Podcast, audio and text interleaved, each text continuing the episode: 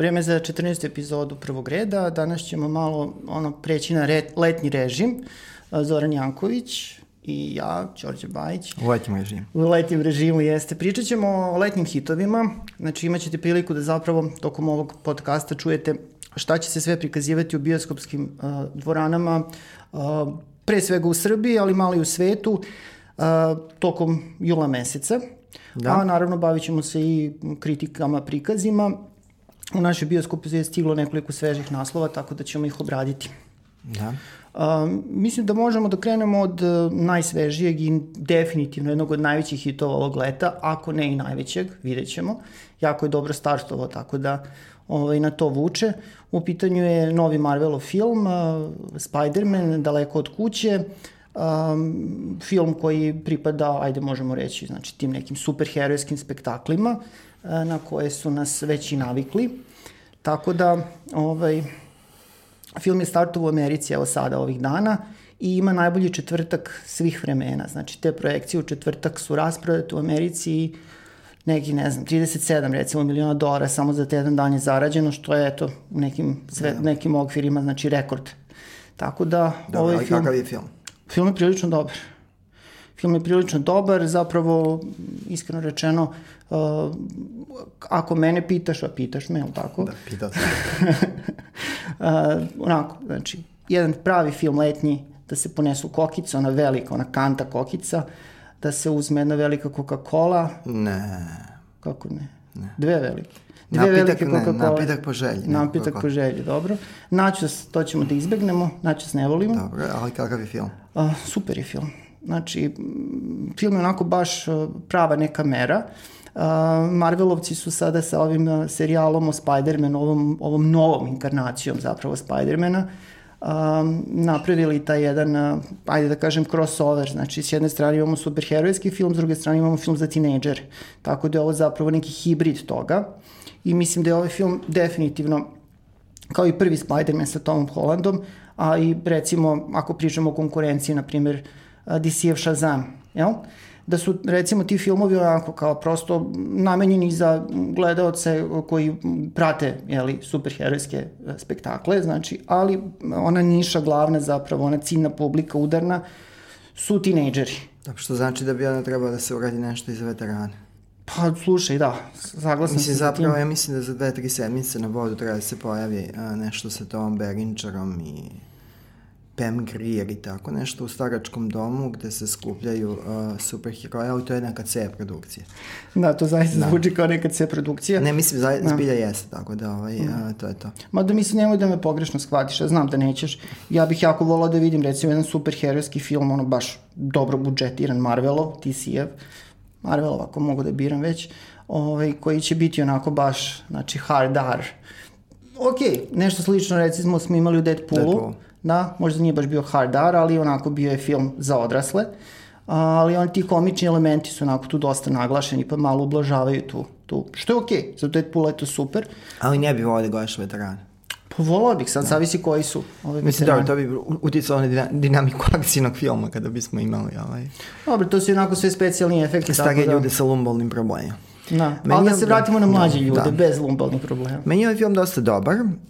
Ja superherojske generalno ne volim, ali u ovoj inkarnaciji uh, Spider-Man mi se dosta dopada. Mi, pričamo o ovom mikrotalasu sa, novom, sa Tom Hollandom i oko njega. Da, više nije ni mikro, pošto da, uh, ima da svugde. Ako bi trebao da da kao se rangi, da, da rangiram unutar tog, uh, unutar te ponude, meni se ipak najviše dopao ovaj animirani koji je išao između ova dva igrana. Mm. Potom prvi, koji je zaista bio izuzetan, i odlično funkcionisao i kao tinejdžerski film.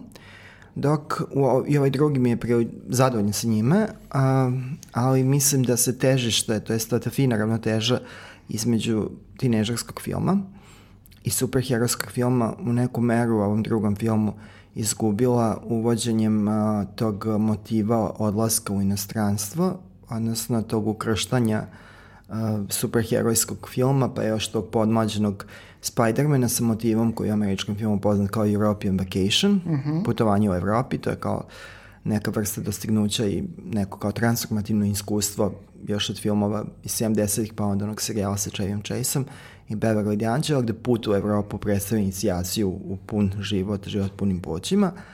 Mislim da je sad tu negde previše tih u ovom novom filmu, Spider-Manu, previše tih nekih rukavaca, ali film kao celina zaista funkcioniše, meni je bio zabavan, dinamičan, šarmantan i odlično dizajniran. Uh, prijele su mi te evropske lokacije da gledam.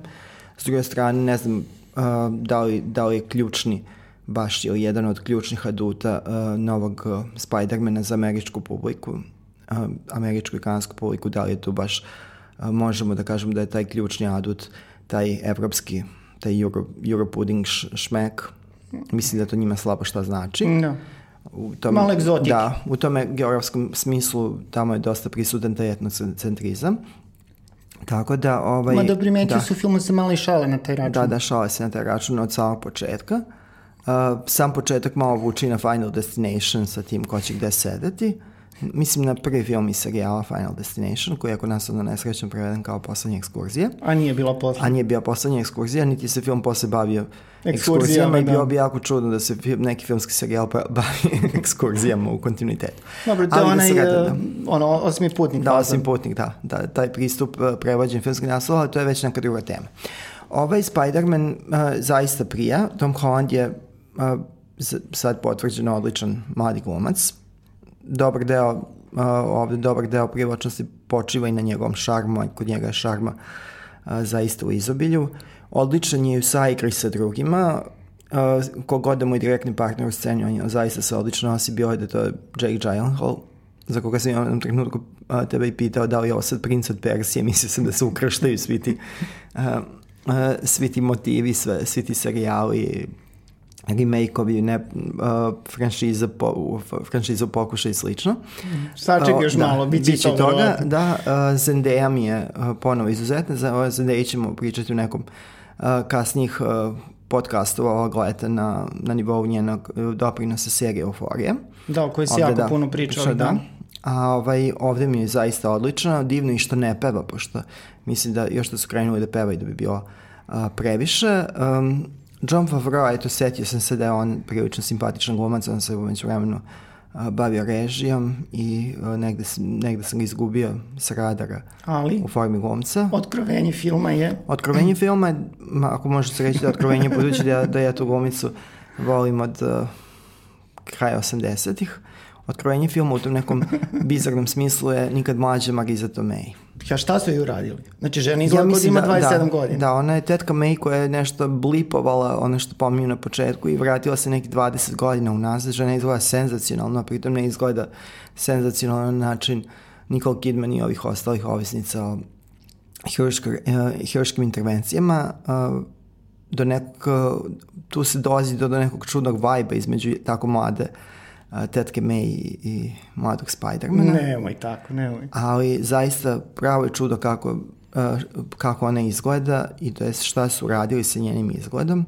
Mislim da je ovo... Duga ako, kosa, da, farmerke pripijene. Da, ako je to bio cilj, jedan od nekih sekundarnih ciljeva, oni koji se bave tehnikama podmađivanja glumaca na filmu ovde su potpuno briljirali. Misliš da je neki CGI tu pao? Neki CGI je morao pasti, ja sam... Ali Mari... zašto kao? Mislim? Ne znam, ja sam Marizu Tomei gledao prošle godine, ona nije ovako izgledala. Jel kao Strina May da. bi trebalo da bude starija, znači nije... Misli da je tetka ne Strina? Ja mislim da je Strina, da. Ali evo nek nas isprave u komentarima.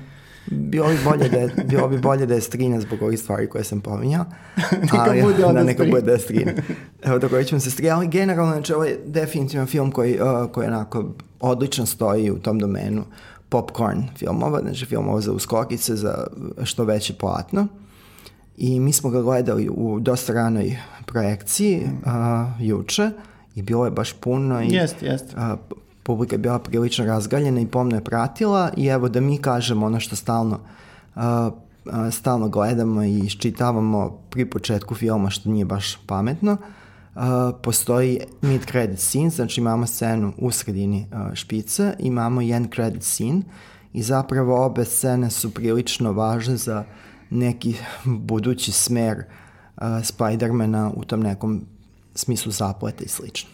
Da, ovo je 23. film. iz ovog ovaj, Marvelovog zlatnog filmskog perioda, Marvelovog filmskog univerzuma i javlja se po, posle velikog hita Osvetnici koji zapravo još uvek igra u bioskopima. Da. Tako da je ovo negde film normalizacije u smislu da eto Marvel hoće da nam kaže život ide dalje, serijal se nastavlja. Da, ali je i bitno ono što se dogodilo u Osvetnicima, bojući da im dosta se referiše na to u nekom smislu. Da, Tony Stark da, nije zaboravljen. Tony Stark, Stark nije zaboravljen, imaju te neke, na, na, na sam završetak filma imaju neke jasne referencije i aluzije. I tokom filma, mislim, da. onako, dosta je ono što se u osvetnicima desilo je dosta prisutno. Prisutno, da. Ali da. nije najvažnije. Nije najvažnije, mada naravno već ono kao da. pretpostavlja se da ljudi koji idu da gledaju Spider-mana daleko od kuće su gledali prethodne da. filmove iz Marvelovog znači, univerzuma. Ovo svakako vredi pogledati oni koji uh, su uh, željni evropskih uh, tih, uh, uh, tih nekih pejsaža, tih znakovitih amblema Evropske grada metropoli. Oni A, su koji, su sve, koji da? su sve metro, koji su gradovi uh, u opticaju? Znači, Venecija, Venecija. Da, malo kao lažne Austrije i uh, Prag, London i Paris. I Berlin. I Berlin, da, Berlin. Uh, zanimljivo je... A bili su u da- Holandiji, da, jel? Da, i u Holandiji se navodno bili. Navodno, da. Ovaj, uh, zanimljivo Pazi, je da je... Pazi, videli smo polje lava, tako da, da onda mora da je bila Holandija. To, da. da. Čak i ako je CGI, to je Holandija ovaj, bitno je ono što smo mi doživali. Uh, zanimljivo Do Srbije da je, da, nisu stigli. Da, bili su jako blizu u nekom trenutku, čuje se neka slovenačka popevka, da. ali nisu skrenuli u ovom pravcu. Uh, zanimljivo je pomenuti da je ovaj film dobio čak najveći, mo, najveći iznos zabeležen prošle godine kao podršku filmskog fonda za promociju turizma Praga, dobio je čak 200.000 evra, što je mnogo, mnogo više nego ostali. Ukupan budžet je 2 miliona, znači sam Spider-Man je dobio 10 deo da promoviše sa Prag. Da, ma je to, to je samo delić, da, mali Da, delić, ali očigledno da, se, uh, da nije nikad zgore još malo prikazati stare namesti ili prikazati uh, Karlov most. Ko da nema da, već dovoljno turista. Da, ko da nema već dovoljno turista. Zaista mi smo prošle leta videli da, da je turista, uključujući nas dvojicu, previše. Uh, hoćemo preći na drugi film? Hoćemo, ali hoću pre toga da kažem da ono što, eto, nismo pričali o tome do sada, mislim da je zanimljivo, kako Marvel odgra, odgaja te svoje reditelje koji im rade te superherojske spektakle. Uh, mislim da to dosta pametno rade. Uh, John Watts koji režiruje prethodni uh, film o Spider-Manu i mislim bio veoma uspešan tu. Uh, a, je praktično doveden iz neke, ajde da ne kažem B produkcije, ali rubne neke produkcije Dobro, to je bio indie film, da. Nezavisni film, nezavisni dramata i Cup Car koji se meni nešto nije ni svida mm. na kraju. Sa Kevinom bio, da- Baconom, to je Sundance da, hit. Da, bio je nešto veoma hajpovan na kraju. Je ostao negde poputa, očigledno da je bio dovoljan zalog da vodcu daju šansu i sada još jednu šansu, a ova druga šansa je sasvim ovaj, očekivana imajući vidu da je prethodni film bio veliki hit kao što će biti i ovaj. A zanimljivo je da on zapravo debitovao film Kloven a, iz da. 2014. čini mi se u produkciji Ela Rota. Da. Znači jedan horor je onako uradio B ovaj, koji je verovatno otišao da. u Americi direktno. Više ceda. Da, na, znači ono vod, da, da. materijal. Da. Znači Cop Car odmah sledeće godine. Mada se na Klovna malo čekalo nešto, ta distribucija je kasnila. Da i praktično čim su videli izglede da je neko od Marvela išao tamo na Sundance video da čovek pa kao zna šta velika, radi. Velika mašinerija vjerojatno prate, love hajpove i to. Da. I odmah su ga uhvatili, evo sad čovek ima znači dva ono kao ogromna hita, jeli. I mislim, uh -huh. to mhm. su dobri, dobri zaiste filmovi sa jako puno ovaj, um, jako simpatičnih mladih glumaca za koje mislim da će dosta toga napraviti u godinama koje dolaze. A boga mi ovi stari glumci se tu dobro ovaj, a, su se pokazali i ono što je nekako i najbitnije, čini mi se da su se svi užasno jako lepo zabavili dok su film snimali, ili bar to tako izgleda. Pa onda se to prenosi negdje na gledalce. Inače, na film slobodno možete da povedete znači, svoje klince, rođake, decu. Znači, zaista mislim da ona... rođake? pa dobro. Ja... Pobedite rođake koji su isto vremena i deca. Da, pa dobro. Znači, uh, mislim da ono kao deto 10 godina može da ovaj film gleda bez problema, pa i, i, i mlađe. Uh, ima dosta tih nekih, nekog uništenja, ali u suštini kad treba neko da nastrada, tu je onako film prilično ovaj, povuče da, se. Da, beskrvno je to sve, da. da. A ovaj, plus uh, u sali ovaj koji si pomenuo, znači tokom te projekcije, um, roditelji su, pretpostavljam da su bili roditelji u pitanju, doveli su dvoje dece Jedno je možda imalo tri godine. Da, deca jedno... ili mlađe rođice? ne znam. U svakom slučaju, znači, jedno je dete imalo recimo tri godine, drugo sedam i oni su dosta fino reagovali na film. Znači, nije bilo puno vrištanja, cič, čičanja, što obično bude kada neko povede dete tako na neku ovaj, na neki spektakl sa puno nekog pucanja i akcije. Znači, deca su se onako jako fino tu dobro, što za, ne mora da znači ništa za ukupan kvalitet filma, znači neka deca su naprosto Kako ne, kako ne, pa dobro i to se stoji, da, ali opet s druge strane otvore se mogućnost da zapravo povedete ima, da morate onda tim čitati titl, pretpostavljam. Dobro. Ali deca su jako važna i za ovaj drugi film o kome ćemo da pričamo danas, to je s kome upravo sad krećemo pričamo, pošto je bio prilično iscrpno na Spider-Manu. A sada nešto A šta? Potpuno drugačije. Pa nije baš potpuno drugačije, u dobroj meri se negdje poklapa. Misliš u oba filma imamo putovanje, putovanje kao glavni imamo motiv? Kao glavni motiv, imamo uh, uh, mladog junaka. Uh, u ovom drugom filmu je drugi glavni junak zapravo ključni junak je glumac. Mm. I tako da je to to kao snap. U pitanju je film Jao putovanje, putovanje. ili na originalu francuskom samo Jao. Jao. Sa Y, znači Jest, ne bude da. zabuna. Da. Dobro, to je inače ime jednog od glavnih da, junaka, znači, dečaka. Da, dečaka, znači nije Auč, nego Jao. Jao, Jao. jao, jao pa je li bilo Jao? Da, da. Je li bilo Jao? Pa ne znam, mislim, ja razumem da je nama posao da gledamo sve. Teško nama. Teško, pa do, i mogu ja mislim najmanje 2862 gore posla od toga ali mene, meni je ovaj film prilično teško pao za gledanje, budući da je onako tipski motivacijni film. Ajde daj nam neke osnovne podatke o filmu na, na, na početku. Pa ovo je zapravo kao neka vrsta meta filma, znači filma koji se bavi filmom samim i svojim junacima na, na način na koji prevazilazi naraciju i na ovaj, e, izmišljenu priču. Uh -huh. uh, film, uh, film je režirao i producirao i izvinite, producirao I napisao. Filip, da, i napisao Filip uh, Godot. Uh mhm, -huh. Čekajući Godot. Uh, Filip Godot, koji je inače uh, producirao sijaset francuskih filma tokom 20. kusur godina i zanimljivo da je on jedan od producenata filma Kresnima. I naopako. Uh, na engleskom Rape Me, uh, a evo upravo kod nas je ovih dana objavljen uh, novi prevod novog romana, uh, to je novi prevod romana autorke uh, i romana i uh, filma Kresnima. Filip Godot je dakle šetao u žanru, ima tu je bio i komedija i tih komedije sa putovanja Dobro, i trilera. I da, ovo mu je treći film. Treća režija, izvinjam. Treća režija. Ne bih rekao da je reživičan, što nije ništa loše samo po sebi, vjerojatno dobar čovek i očigledno uspešan producent.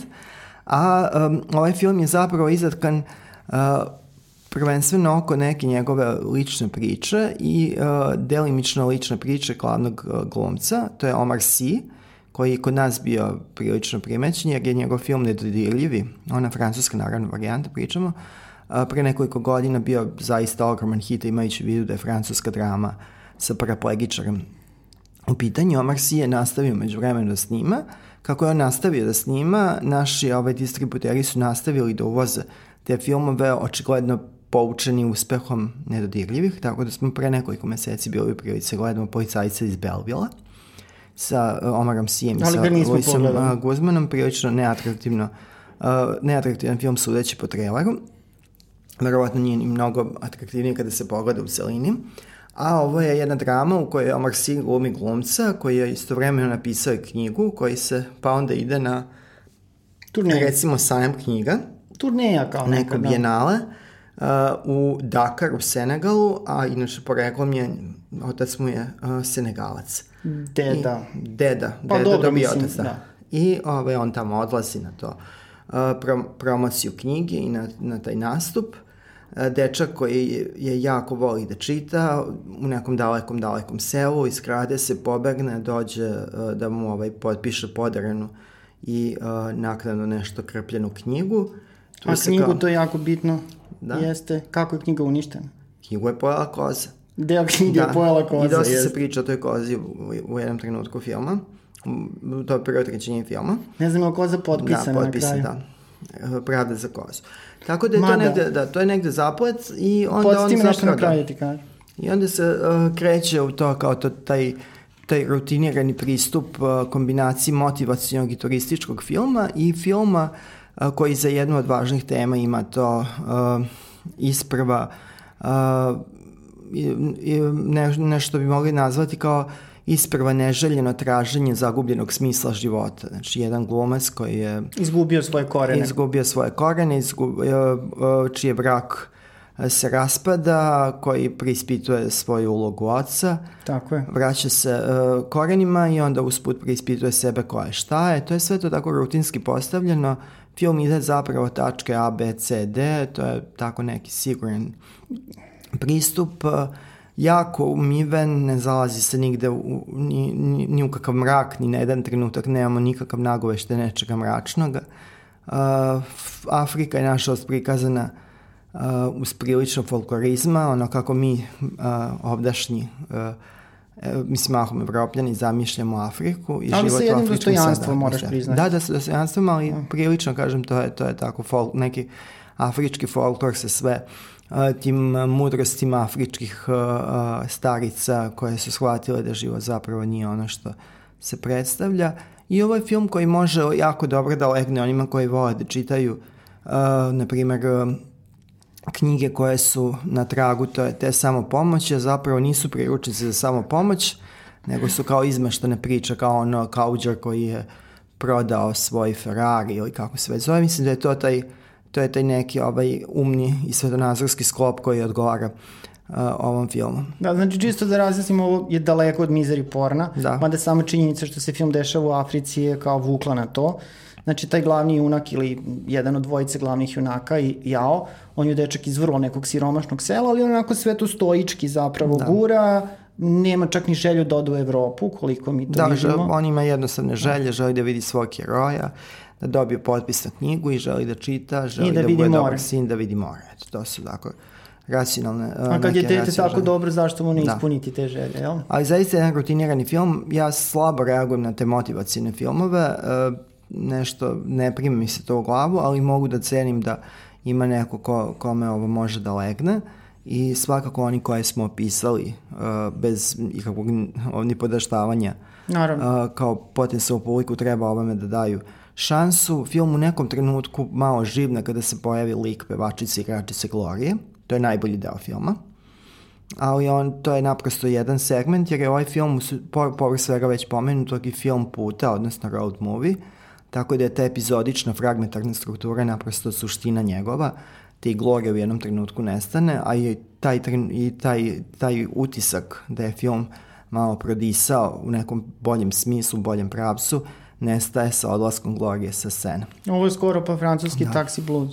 Da, ovo je francuski taksi blues, eh, voze se u pohabanim kolima i pričaju. Ali dosta. mnogo manje dinamičan, da. bez akcije, bez, bez komedije, akcije, da. da. Ali kao, to je ono što bi moglo da bude nazvano, pa ljudi često shvate da je pežorativno, ne mora da bude topla ljudska priča, tako da onima koji ima, koji ima na ovoj vrućini do toplih ljudskih priča preporučujemo da i ovo pogledaju. I naravno ako volite Omara Sija. I ako volite Omara da. Sija, Omar Sija ovde daje onaj svoj neki optimum glume koji može. Skida se. Skida se i, pri, i predstavlja generalno jedno anatomsko čudo budući da se ne preslače čita film, a košulja mu se ne, ne prlja, ne gužva i on se gotovo uopšte ne znoji, sem što stalno priča da mu je vruće.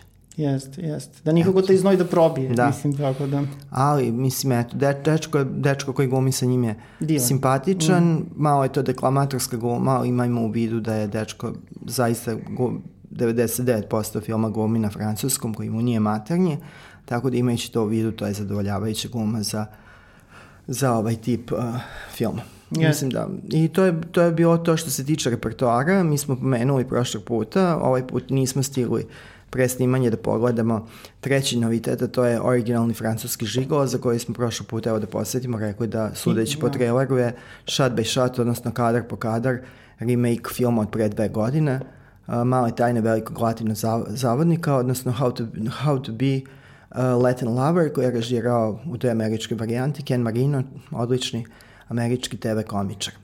Uh, nismo naprosto stigli vreme, vreme u pitanju, a zaista je, a zaista je ovaj, onako pitanje copy-paste-a. Uh, u traileru su sve udarne scene, naj, mm. najuspelije scene iz ovog američkog filma, tako da možda u nekim od kasnih podcasta možemo se baviti i nekim fenomenom remake-ova u suprotnom pravcu, znači ti po fran, uh, remake-ovima američkih uh, filmova koji se onda javljaju nekim uh, manjim probitačnim filmskim sredinama, pošto Francuska ipak jeste uh, B kinematografija u odnosu na američku A. Nemoj tako da Ali pričaš. o tom potom, Molim da. te, nemoj Da. tako da pričaš. Pa dobro, mislim, američki film kad valja, on nekako najbolje valja, tako da je to to. Dobro, znači Ali ajde da kažemo sad- da je to u Da. Americi da- industrija, da, a to u Francuskoj umetnost. Da, u neku ruku. Recimo da, se, uh, da tu nismo baš saglasni, ali to je to. Znači, to su tri noviteta, pričali smo detaljno o dva, ovaj treći smo pojasnili, znači imamo Spider-Man daleko od kuće i, Mm. I to je naš film nedelje, putovanje i definitivno. Spider, uh, Spider je definitivno film nedelje. Znači, Spider-manovo putovanje. Spider-Manovo putovanje negde. Da, da. Spider-manovo putovanje um, I? i prelazimo sada na ono što smo, nešto, što smo vam obećali prošle nedelje, da ćemo vam upriličiti, to je jedan kratak pregled um, Ovo vidjet ćemo koliko će biti kratak. Kratak? Ali kratak, a? Kratak, uh, Conjuring serijala Serijala i- Prizivanje zla. I, nešto uh, malo o Danny Boyle. Jeste. Znači, prelazimo na jednu kratku rekapitulaciju serijala Prizivanje zla. E, Prvi deo je prikazan premjerno 2013. godine i postoje jedan od, pa dobro, najvećih hitova godine, ako ništa drugo, jedan od najgledanijih horora ovaj, te godine najgledaniji horor u tim nekim svetskim razmerama i na tim nekim listama najgledanijih horor filmova svih vremena je dobro kotiran. U pitanju je produkcija koju je praktično jeli, na noge postavio James Wan, reditelj koji je i ranije već uh, dosta koketirao sa hororom, čak ne ni koketirao, nego je prosto snimao u tom žanru. On je pre svega čuven kao čovek koji je režirao prvi deo Slagalice strave, a kasnije je pokrenuo još jedan ne toliko uspešan serijal, ali prilično uspešan serijal Astralna podmuklost. Tako da ovo je zapravo treći serijal koji je James Čekaj, Wan... astralna podmuklost, to je ovo... Uh, Insidious. Insidious, Da, da, jest, da. Pa mislim da mi se sviđa taj srpski prevod, Astralna da. podmuklost, da, pošto ovaj, onako malo je podmukao. Pa ne mislim zaista teško ga je zapamtiti, ali kad ga zapamti teško je ga je zaboraviti. Jest, kao na primjer Arnold Schwarzenegger, Da, da, znači u tom je rangu. U svakom slučaju, um, evo, mislim, pričamo o jednom fenomenu sada, zato što od 2013. pa do danas, to je onda nekih koliko, ovaj, šest godina, uh, snimljeno je sedam zapravo filmova koji, koji pripadaju ovom serijalu, on su onako bokori, uh, James Wan i njegova Raz ekipa, jest, Uh, James Wan i njegova ekipa su jedan dosta tu dobar štos zapravo ovaj, izmislili, pošto, mislim, horror serijali se obično grupišu oko jednog negativca i onda prosto imate Jasona Voorheesa koji u petku 13. ide pa ubija po redu. Ili, na primjer, ne znam, tu je Freddy Krueger i tako dalje, Lutak Čaki, koga ćemo isto pominjati. Ovde zapravo imate koncept da um, imate čitav jedan univerzum u kome postoje različita neka čudovišta, različiti neki demoni, duhovi i tako dalje i ovaj, svi oni dele taj, taj filmski univerzum, tako da čini mi se da je ovo neki ekvivalent, horror ekvivalent, na primjer Marvelu ili DC-u, a, sa likovima koji se ponavljaju iz filma u film, ali kao nije neophodno da se pojave u svim filmovima. Tako da, a, praktično, još od prvog tog filma iz 2013. akcent je na bračnom paru Warren.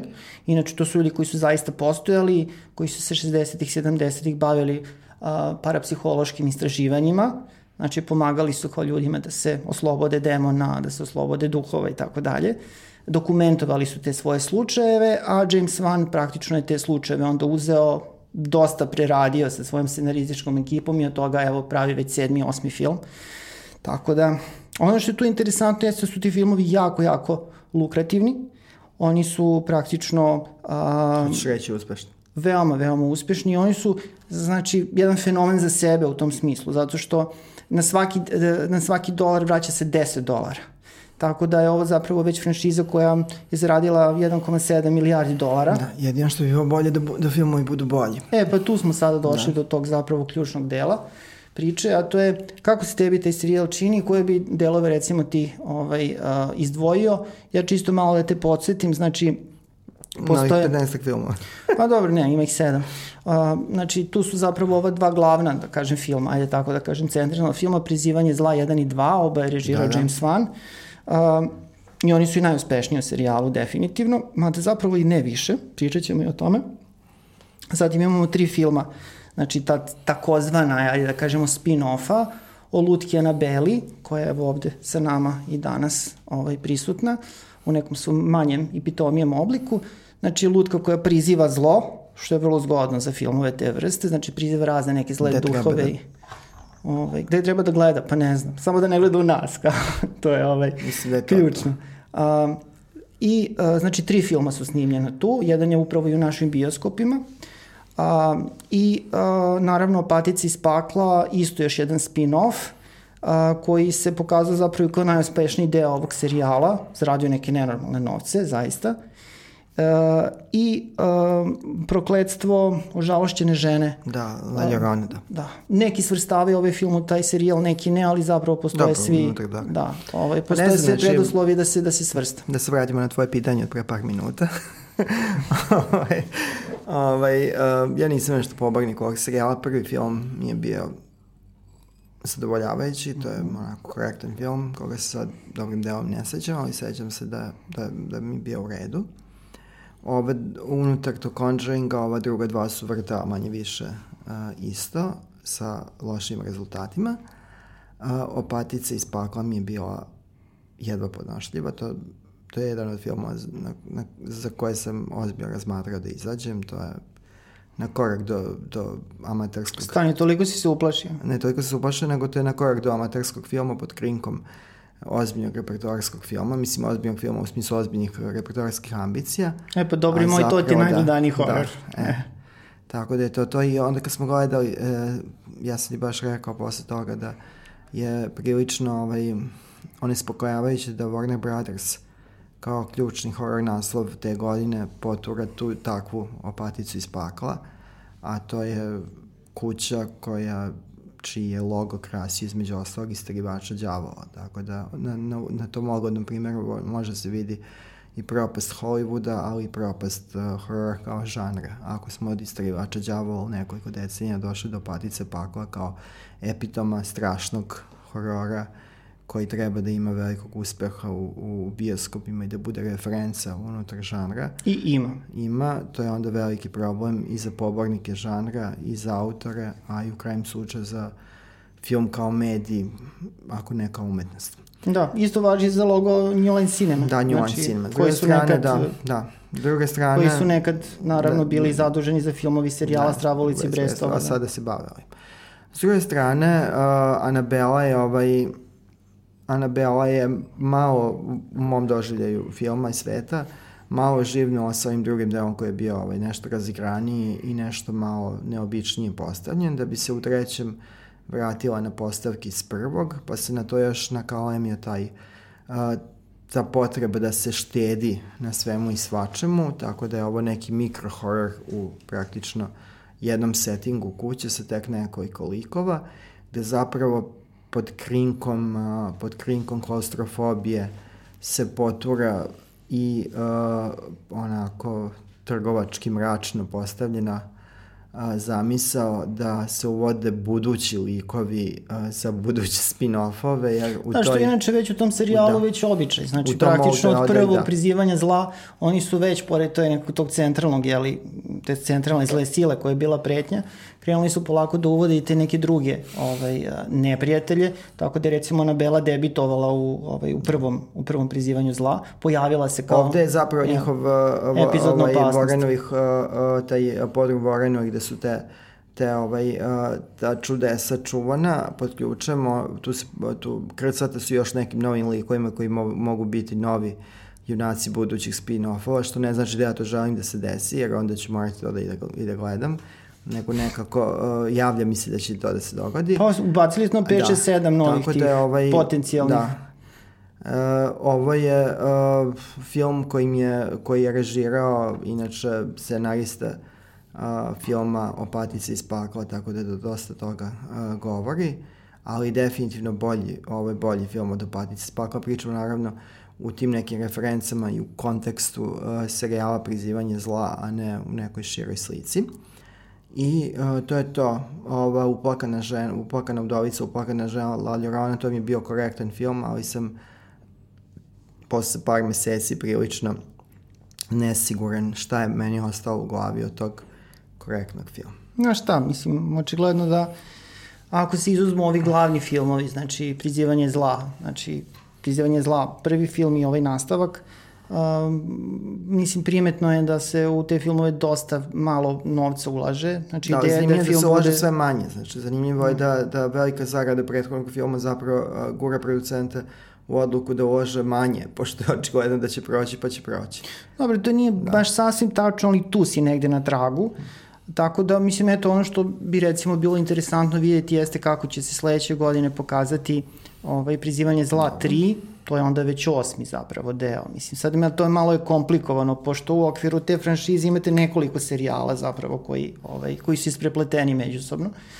Tako da, pretpostavljam da će taj film biti ovaj, uloženo više novca, njega neće režirati James Wan. James Wan je prešao na neke skuplje produkcije. Dobro, znači, on se sad bavi da, Aquamanom, što je recimo, jeste. prilično skrećen ishod. ovaj, Tako da Michael Chavez koji je režirao ovaj prokletstvo uplakane žene, on će, on, će, on zapravo već režira sad dok pričamo snimanje u toku.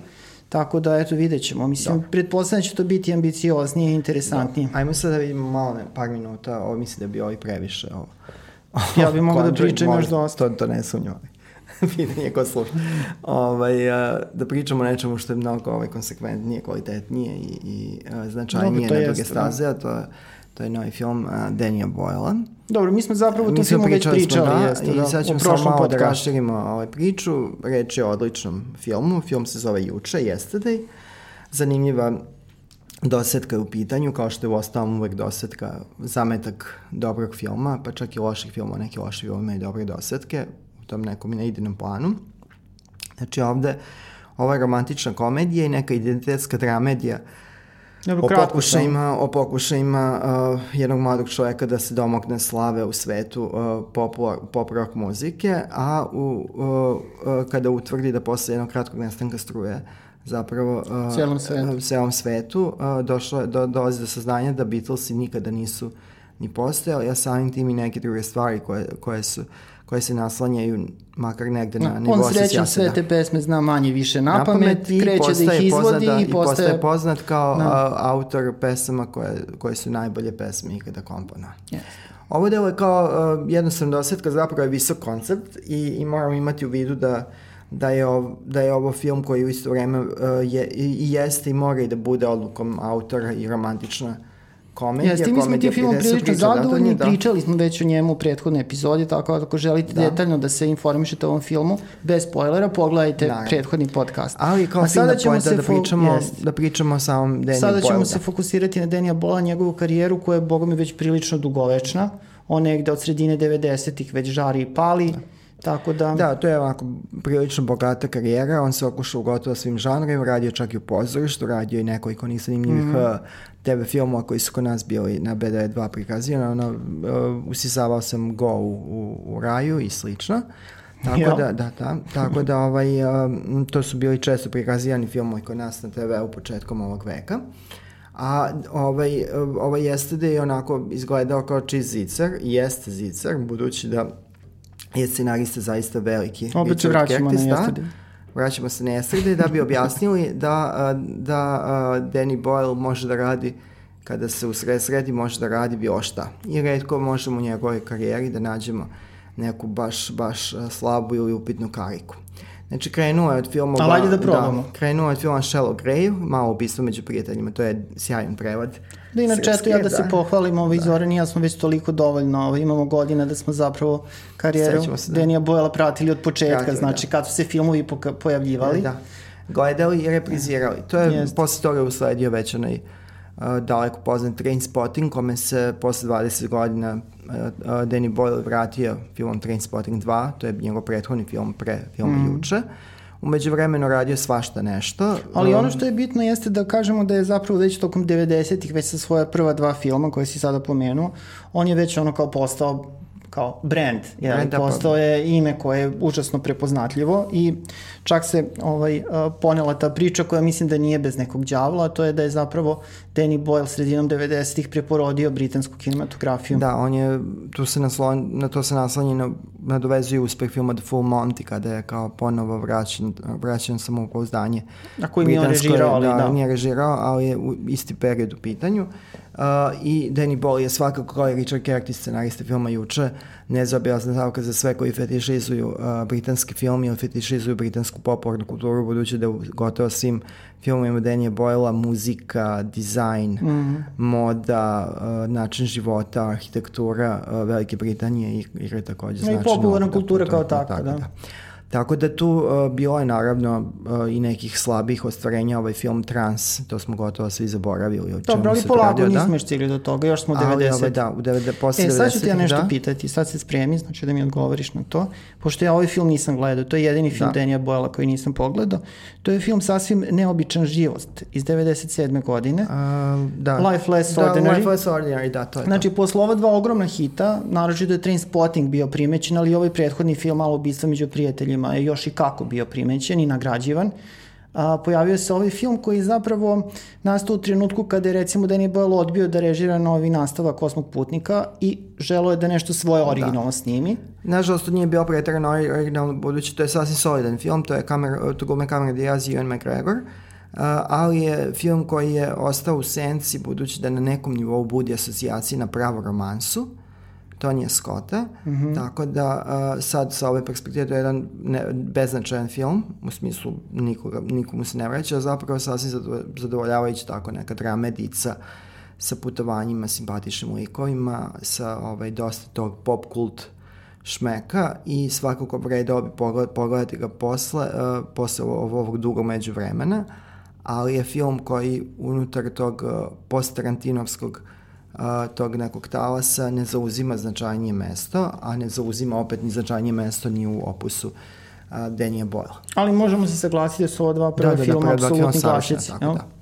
E, a Tako kako da, je tvoje ovaj mišljenje o plaži? Plaža je savršen film. To je prvo odličan roman, Alex Garland, Alex Garland, Alex Garland je i kasnije bio uh, uh, saradnik, evo i ponovo će kako stvari stoje biti saradnik Danije Boyle na novom filmu unutar te mini franšize 28 dana posle nečega. 28 dana, 28 sedmica, 28 28 meseci. 28 da, crtice kasnije. Nešto, da, kasnije. Uh, Plaža je zaista izuzetan film, to je Danny Boyle u toj uh, raskošnoj fazi, znači samo pouzdanje koje je dobio radeći na uh, sve skupljim i zahtevnim filmovima, ovde se pokazalo ovaj, Velika u zvezda, sjaju, velika zvezda, Leonardo DiCaprio, savršeno dizajniran, Guillaume Canet, Virgin Ledoyen, pa sve dok ne dođemo do, do onog dela kada čerka Jelene Tinske uči prisutne Zelda, eko, Zelda uči prisutne mlade ekokomuniste kako da kažu uh, želim da vozim bicikl ili vozio sam bicikl juče, nešto, to ih na srpskom uči. Tako da u ovom filmu možete čuti srpski. Da, i ovo je divan, ovo je dobar roman, znači ne kažem da je savršeno napisan, ali onako unutar te popularne... Tilda Swinton. Da, Tilda Swinton ja, glumi, ovaj, uh, uh, unutar te kao popularne književnosti, te književnosti koja namiguje pop kulturnom izrazu, ovo je jako dobar roman, odlična ekranizacija, uh, zanimljiva teza, da li je da li je komunizam zaista uopšte i moguć u današnjim uslovima, sve i da se domognete nekih geografskih odrenica koje vam to sugerišu. Jeste, da. Mislim, I ako ga niste da, pogledali naravno, svakako. Naravno, je boje to prilici. A ovaj sledeći film je moj favorit, pošto volim horror, 28 dana kasnije, da. jako, jako dobar film. On je, vodi se kao zombi film, a da zapravo i nije. Znači, to je kvazi zombi film. Uh, ali funkcioniše dobro, u dobroj meri kao zombi film. Cillian Murphy, to je, ja mislim, i prva saradnja ovaj, Denija Boyle da, sa da, Cillianom Murphy. Da, je Killian. Misliš da ipak Killian? Uh, da, po galski bi trebao da bude Killian, znači, mm. što jeste malo čudno, mi idemo na tu, ovaj, na Cillian, tako, mm. na to anglosaksonsko, po galski bi to bio Killian. Dobro, neka bude Killian u svom slučaju dobar da. glumac i nova uloga i njega negde lansirala zapravo. Da, da. A, posle ove, ove svađe sa Junom McGregorom, a, očigledno da je Danny Boyle tražio nove te leading menove, jeli, e, glumci koji će mu tumačiti glavne uloge, tako da eto Killian je tu dosta dobro prošao. I taj film u celini onako jako da, dobro se drži. film. Da. To je odličan film, dobar i nastavak i nadam se da će i ovaj sledeći koji su najavili okvirno Danny Boyle, Alex Garland, znači opet taj dvojac zajedno. Uh, da će on biti tako dobar i značajan mm. za, za zombi ili taj obližnji žanar. Pa i oživeo je, mislim, da. oživeo je te, te filmove o zombijima, mislim, tako da. Mislim, on je, Danny Boyle zaista, zato sam ponovo pominjao juče, on, se, on nema žanra u kom nije pokazao da može da ostvari uh, dobar rad ako ne i značajan. Da, ja, a ja ne znam šta i nije režirao, šta sad nije pokušavam da, da, da se, film za decu možda nije. Pa da, mislim, film za decu nije, ali generalno filmovi za decu se dosta ređe prave u tom, uh, u tom domenu u kome on stvara, mm. tako da je to to. To je ipak on za odraslu Da, i onako ubrzamo sad priču, tu, tu zaista ima ozbiljnih filmova, Slumdog Millionaire, recimo. Uh, da, ali malo smo preskočili. Šta smo preskočili? Nešto? Pa evo, Milione iz 2004. Uh, to je zanimljiv film, ali uh, definitivno i vredi ga pogledati, uh, ali nije ovako nešto, neka krupnija stavka u njegovom žanru, u njegovom opusu. Zatim SF Sunce iz 2007. SF Sunce, da, to pamti kao dosta dobar. Nismo ga reprizirali uh, nikada posle onog mm. inicijalnog, ali zapravo to je film koji pamtim kao dobar. Zatim, e, milion, milioner s ulici ili milion, milioner iz blata. Da, da, to je prilično uvredljiv, ovaj, uvredljiv prevod. Uh, milioner iz blata, ali Slumdog milioner jeste negde to kao precizno, mm. precizna prevod sa, sa, uh, sa engleskog.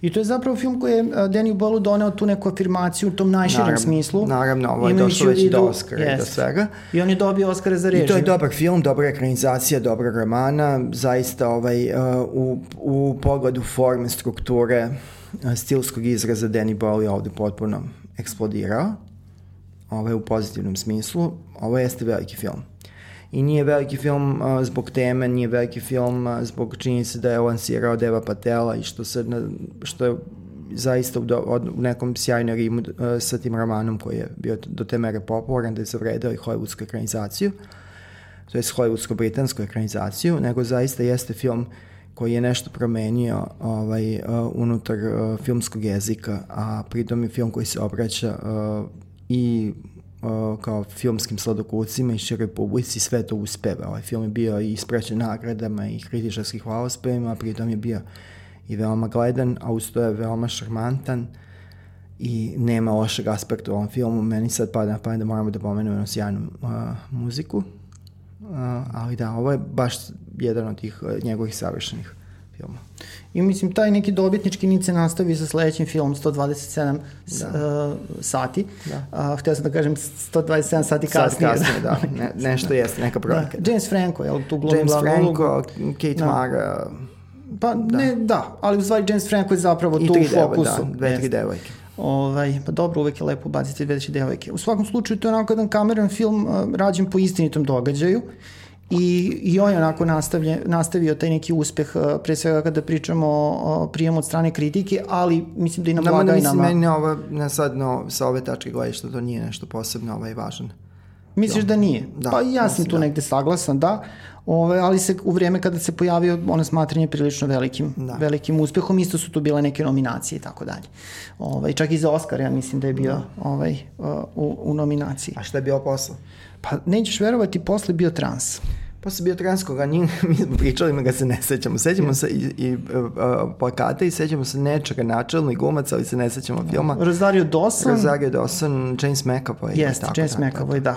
Ovaj, još se nije ovaj sa jednom uh, McGregorom pomirio izgleda da, da, u tom trenutku. I onda je bio Trainspotting 2 koji je zadovoljavajući, ali potpuno nepotreban ne. nastavak. Posle toga je bio Steve Jobs. Steve Jobs, da. 2015. godina, ali da, to, to je, je film da. recimo koji meni nešto nije legao. Dobro, to je biografski film, biografski filmovi kada se izmesti iz tog okvira.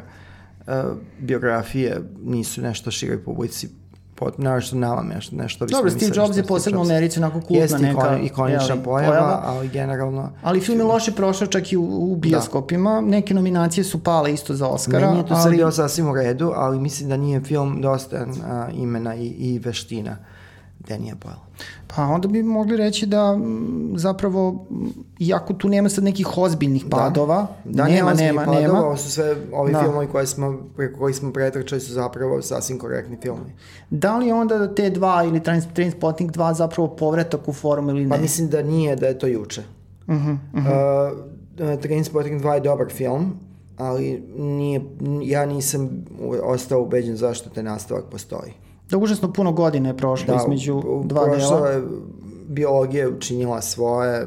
Ne mislim da nije, bilo tre, da nije trebalo to dirati, ne u smislu da je to sad nešto ovaj, sveto slovo, da je sveto reže baviti se eh, nastavkom trace spottinga nego da nije bilo nužno da se ovo, ovo Dobro, pojavi. ali pazi, ako da, ništa drugo, baš su se Danny Boyle i Ian McGregor pomirili.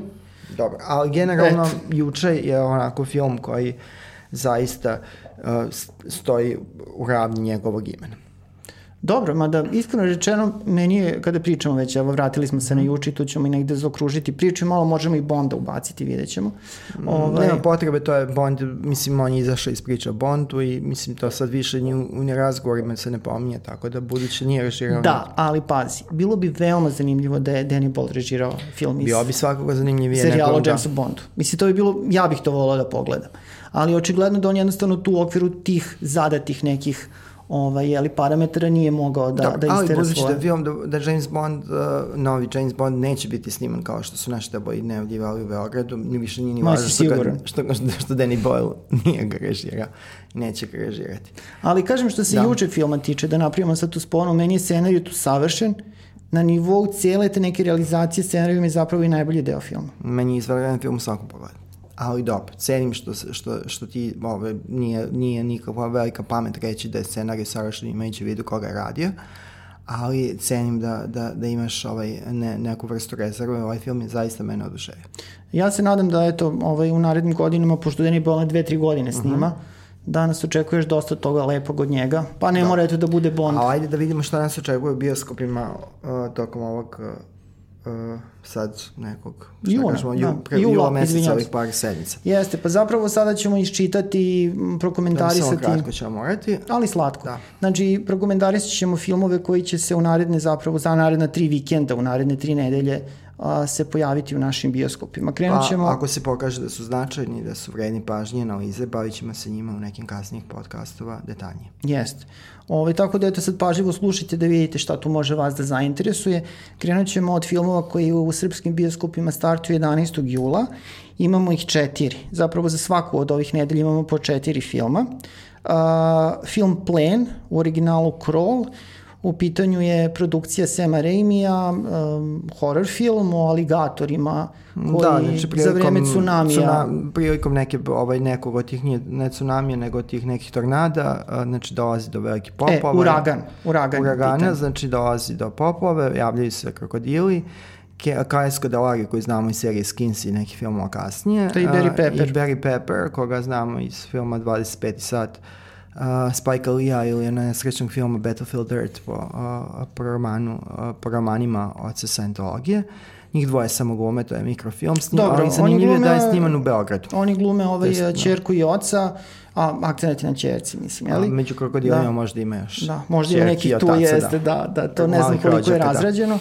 Ovaj, mislim, krenula je već kampanja za te filme u Americi i ovde, ona će krenuti u celom svetu da, negde u isto evo, vreme. Znači, na, na nivou ove, ove priče o njemu, znači zanimljivo da je film sniman u Srbiji. Da, jeste, da je Aleksandar Vučić u bio na snimanju filma. U studijskim, u studijskim okolnostima. Prisustvovao je. Da. Znači, sledeći film uh, je film Stubber, Jeste, ili ortacija na točkovima, kako je kod nas. To je jedna od, sudeći po traileru, jedna od variacija na čuvenu podnoćnu trku Martina Presta. Jedna od hiljadu variacija. Jedna variacija. Ovde imamo, uh, ovde imamo David, Davida Bautistu, Deva, Deva Bautistu, uh, rekao bi se s kosom i sa njim glumi. Kumail Nanjani. Na, Kumail Nanjani, koga znamo iz serije uh, Silicon Valley i a, znamo ga takođe iz velikog hita prošlogodišnjeg The Big Sick. Odličnog filma inače. I a, a, kreće još francuski a film. A stani, neka... nismo rekli ko još glumi u tom filmu.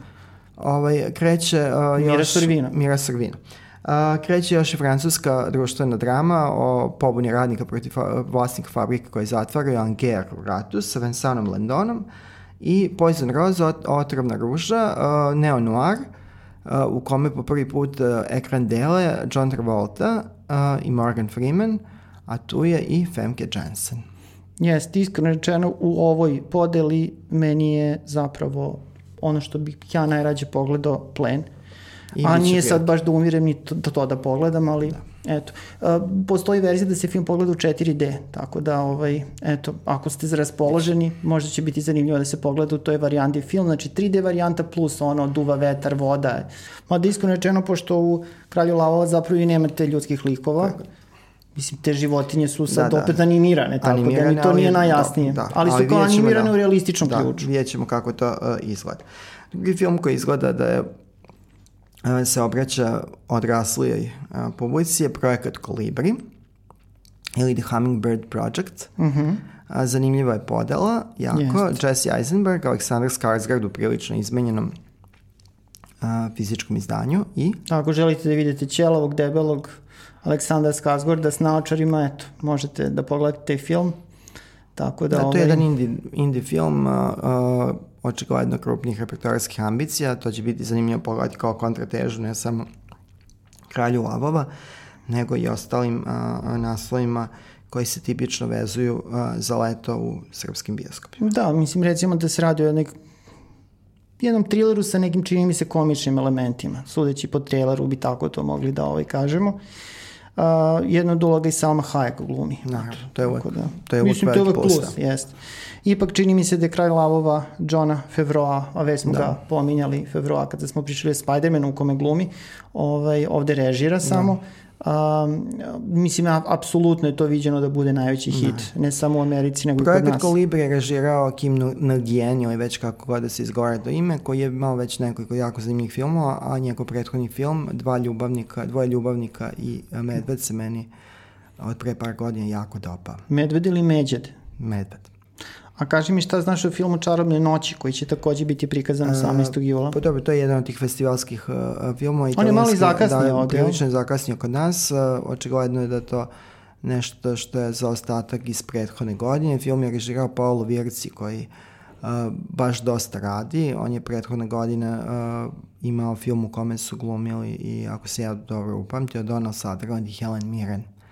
Tako da je ovo to film iz njegova, hot. da i jedan kombi, a ovo je, ovo je već povratak na te Italo varijante i to naravno treba ispratiti zato što nije česta prilika da gledamo savremeni italijanski film u, mimo tih filmskih revija, nacionalnih smotri, festivala, znači nije baš česta prilika da imamo gostima na redovnom repertoaru italijanski film jednog značajnog autora savremenog, a to Virci jeste koliko sam ja video radnje smešteno u 90. To je ta neka italijanska krimi komedija, da, da. ajde tako da kažem, sa umetničkim pretenzijama. Jedna od uloga glumi Giancarlo Giannini. Da koji je, mislim, zaista ikonična pojava. Da, da. Ja sam se prošle nedelje istražavajući nešto drugo iznenadio da je on još uvek živ. Auto kreh na moj duš. I evo da pređemo na 25. 25. Uh, imamo, uh, ako sam ja dobro uh, notirao, uh, četiri filma. U svakoj od ovih nedelja imamo da, po četiri, četiri toliko filma, smo izdvojili. I sve, svakako su, ne, opet je činjenica da su svi prilično raznorodni na nivou tih potencijalno krupnih hitova. Uh, to je po najprije Child's Play, dečja igra. Da, recimo, da, da remake. To je možda remake. Kultnog filma iz filma 80. Sa Lutkom Čaki, da. Znači konkurencija Anabel. Anabel, Čaki se vratio. U Americi je uh, dosta dobro prošao imajući u vidu malu cenu koštanja, ali ipak loš, pa, lošije da. u odnosu na ono uh, šta, šta je mislio da će biti. Da, ali pitanje da budemo iskreni, da, da, da budemo iskreni, ovaj serijal se dosta i, i iscrpe u tim beskrajnim rebootovima, u B produkcije, remake-ovima, nastavcima. Sad rade seriju inače. I sad rade i seriju. A drugi film je Iron Sky uh, 2, znači to je ona finsko već, mislim da je finska pa još nečija. Čelično nebo 2. Čelično nebo 2, ekstravaganca, znači o nacistima u svemiru. Mislim, iskreno nama nije trebalo ni Čelično nebo 1, tako jedan, da... ali eto, to je jedan bio film onako prilično ekstravagantan, Lajbah. Ne baš dobar. Da, ne baš dobar, ali im bio je zanimljivo da uh, muziku su radili uh, ljudi iz uh, pokreta, da ne kažemo grupe Laibach. Da, inače I, da. radi se o fin, finsko-nemačkoj produkciji, što je interesantno. Da. I od tih nekih poznatih imena, ja sam jedino Udo Kira primetio. Da, Udo Kira, da. Dobro, ovaj film u kom bi, verovatno ne, ali mogla bi da govorim Brigitte Nielsen, to bi bilo, mislim, sad, ne, pa to bismo da, ovaj, to bi, baš Evo, to za treći deo, da, to bismo odšli. Znači, I, to je jedna ekstravaganca, da. kao naučno-fantastična, sa nacistima, da. sa svemirom. I još da. dva naslova. Jedan je francuski uh, Živi brzo umre polako. Uh, to je isto film iz 2018. A prikazan na Kanu. Uh, prikazan na Kanu, prikazan i kod nas na festivalima umeđu vremenu. Mm -hmm. To je još jedna od tih francuskih uh, AIDS, znači drama o Sidi. Između ostalog i o Sidi. Uh, film ima dobre prikaze, mada je pitanje da li je potrebno tako brzo uh, bio još jedan film o Sidi nakon izvanrednog filma što je 120 otkucaja u minuti. Služi nikad dosta filmova o Sidi. Da. tako da ovo je režirao Kristof Honore, on je zanimljiv autor, tako da uh, možemo da prepostavimo da je našao neku kosinu u odnosu na ono što smo videli samo pre nekoliko godina u tom filmu 120 uh, otkucaja u minuti. Da, to je drama, gej tematike i, da. onako, čini se ima neki, neki komični naboj da, da. blag. Tako da. I četvrti film je uh, Plan Bekstva 3. Jeste. To je uh, film iz tog serijala Plan Bekstva. U prvobitnom planu Bekstva su glumili Schwarzenegger i Stallone. Schwarzenegger je među vremen utekao. Bautista je došao u drugi deo i sada evo ga u trećem delu pristigao i 50 Cent. Da. Ovo I je Jamie King. Jamie King uh, i zanimljivo da ova dva filma, uh, Plan Bekstva 2 i Plan Bekstva 3 su snimani back to back, dakle, jedan za drugim, s tim da ovaj Plan Bekstva 3 ipak ima zanimljivije reditelja, uh, budući da je Plan Bekstva 2 režira Steven C. Miller, uh, jedan rutiner koji radite filmove koji direktno odu na vod sa Stalloneom, sa Bruceom Willisom. Ovaj, treći deo režirao John Herzfeld, jedan zanimljiv reditelj koji je nestao poslednjih godina.